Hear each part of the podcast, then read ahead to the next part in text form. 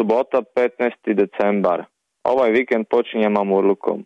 Još pre par godina ne bi bilo nešto izvanredno, ali sada mi je dosta neobično. Našli smo se sa Markom Đoletom i njegovom Valerijom, stara ekipa. Jadan Mare čekao radnu vizu više od mjesec dana. Čim je konačno dobio, odmah došao ovdje. Zvučalo je kao idealna prilika za proslavu. Popio sam svega tri piva i sada me boli glava, ali vredilo je. Iako živimo svi na par stanica, nismo se sreli mjesecima. Nema vremena, svi negdje žurimo.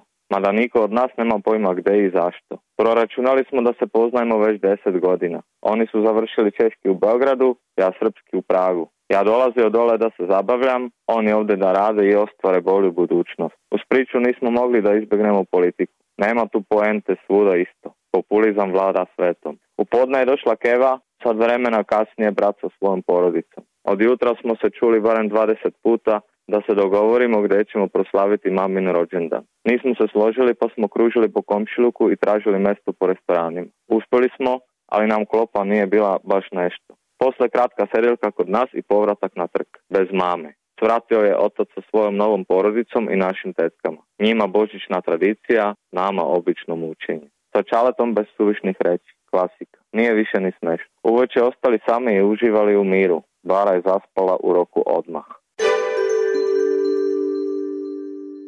Nedjelja 16. decembar. Posle dugog i psihički napornog dana sa mojima smo zaslužili malo odmora. Najviše Tereza. Nije ni čudno, termin je sve bliži. Zato sam je pustio da spava što duže, tako da je bara čitavo prepodne bila samo moja. Kad god je tražila mamu, poslužio sam se magičnom formulacijom mama spava i sva njena pažnja je opet bila posvećena samo meni. Želeo sam da njoj nadoknadim sve vreme koje sam prošla dva mjeseca proveo na snimanju. A dobro mi ide, non stop se smijemo. Mame ipak ne mogu da konkurišem, mala je sada baš fiksirana za nju. Nije ni čudno. Zna da će uskoro doći do promjena. Svuda na Facebooku slike sa jučerašnjih demonstracija u Beogradu. Gomila snega, ljudi još više. Na češkim vestima ni reći, barem nisam primetio. Francuska je nama zanimljivija, za Balkan će tek kad bude došlo do neke frke. Mada, možda ipak ovako bolje nego čuvena Barbara.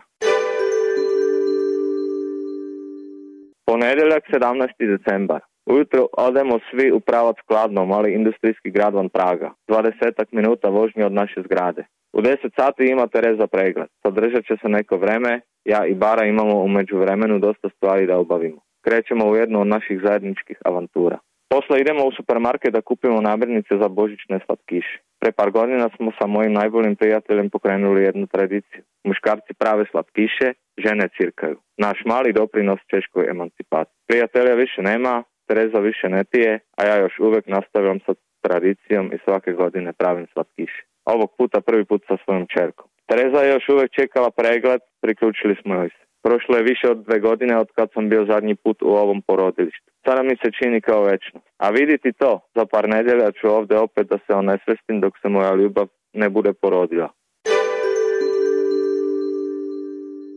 Utorak 18. decembar. Tačno pre sedam godina je umreo Vaclav Havel. Svi smo mi tužni. Svi oni se raduju. Mi smo za njih praški kafić, oni za nas glupi selioberi. Podela naroda se uspješno završila. A oni gore se smeju nama svima pošto nemamo drugih Havela. Zato su sada komunisti ponovo na vlast. Zato imamo premijera koji vodi državu kao firmu te svake godine povećava svoje imanje nevjerovatnom brzinom. Uskoro će da nas kupi sve, za naše pare. Iako se zna da je najproblematičniji od svih političara koji su ikada vodili ovu državu. Blago nama, zaslužili smo. Kad nemamo bolih i glasamo za loše. Što je najgore, neki od one bagre na vlasti još pluju po Havelu i zovu ga izdajnikom. Kad nas sadašnji predsjednik izdaje Kini i Rusiji u svakoj rečenici koju izgovori. Dno. Uveće gledam par epizoda serija Jutro će promeniti sve. Dobra je serija, podsjeća me na moje godine u Beogradu. Zahvaljujući Markovom savjetu otkrio sam RTS planetu. Ne moram onda da kopam po internetu i da skidam sa nekih čudnih sajtova. Ovo mi je u ostalom bilo uvek najteže. Nabavka knjiga, ukusne kafe i filmova. Svaki put gnjavim drugare da mi donesu. Tako sam i sada dobio od Mareta dobu mjedi od Schneidera. Odlična je knjiga. Preporučio mi je Miki Manojlović dok sam mu u oktobru tumačio na snimanju. Na istom filmu sam sreo i Janka Popovića Volarevića i Vaneta Trifunovića. Bio je to ogroman doživljaj. Čudo. Sreda 19. novembar. Ujutru vodim malu u vrtić. Tereza je umorna, mora da se odmori. Sve njoj napornije. Nije ni čudno kad živimo na trećem spratu bez lifta i zadnje dva mjeseca je morala sve sama da rešava. Baru i raketu. Idem po božićnu jelku. Iako hoćemo da Božić proslavljamo kod moje mame, kao i svake godine, odlučili smo da imamo malu jelku i kod nas, zbog bare. Prvi put će da shvata ovaj praznik malo ozbiljnije. Bilo bi onda lepo da zna da će mali Isus, koji u Češkoj donosi poklone u mjestu Santa Clausa i Dena Mraza, svratiti je kod nas. Kod kuće uparam u trans, moram da završim sa popravkama preporođaja. Živimo tu već godinu i po, stan je bio u raspadu pa ga postepeno popravljamo. U četiri popodne idem po baru. Uživala je, nije bilo nikakvog problema. Kod kuće svi skupa stavljamo ukrase na jelku. Biće to lepa tradicija. Vraćam se poslu, završavam u deset uveče. Ponosan sam. Listam Schneiderom. Kaže žena da je Beograd stigao na vesti. Četvrtak 20. decembar. Pada sneg, konačno. Znam da neće izdržati dugo, maksimalno par sati. Podsjeća me na detinstvo kad je zimi znalo da bude u pragu snega koliko hoćeš. Zadnjih godina ga nema skoro uopšte. Zato sada uživamo u ovom neviđenom trenutku i na putu do vrtića se takmičimo ko će da uhvati pahurice u usta. Bari ne ide pa nam je smešno. Stigao mi je email od jedne od najvećih domaćih distribucija filmova gdje sam se prijavio za posao. Nisu me primili, ali bi možda mogli da mi ponude nešto drugo. Zvuči odlično. U podne više nema snega. Došli su prijatelji koji žive van Praga da nas pozdrave. Imaju malog dječaka od 7 mjeseci. Otišli smo na ručak od Srđana. Nismo odavno bili. Najbolji ćevapi u Pragu uz ajvar i kajmak. U našem komšilku. Oko nas vije ljudi u božićnom haosu. Čudno je kako se narod najvećih ateista u Europi loži na jedan od najvećih katoličkih praznika. Za razliku od Balkana ovdje dobijamo poklone. U ovom konzumnom ekstremu je došlo tako daleko da neki ljudi dižu kredite da ima ispod jelke što skupih stvari. Neki od njih posle nemaju za kamate. Užas. Kad sam kasnije listao Schneiderom, odjednom mi je došlo da bi opet mogao da se posveti nekom prevodu. Uzmem džamonju, basaru i ferića. Koga da izaberem da ima barem teoretske šanse da bude zanimljiv strogim češkim izdavačima, odlučih se za novu stradiju. Da bi mogla da privukne pažnju nekog od pozorišnih prijatelja. Pogotovo u ovo doma sasvim izvanrednih političkih reprezentacija svuda po svetu. Petak, 21. decembar.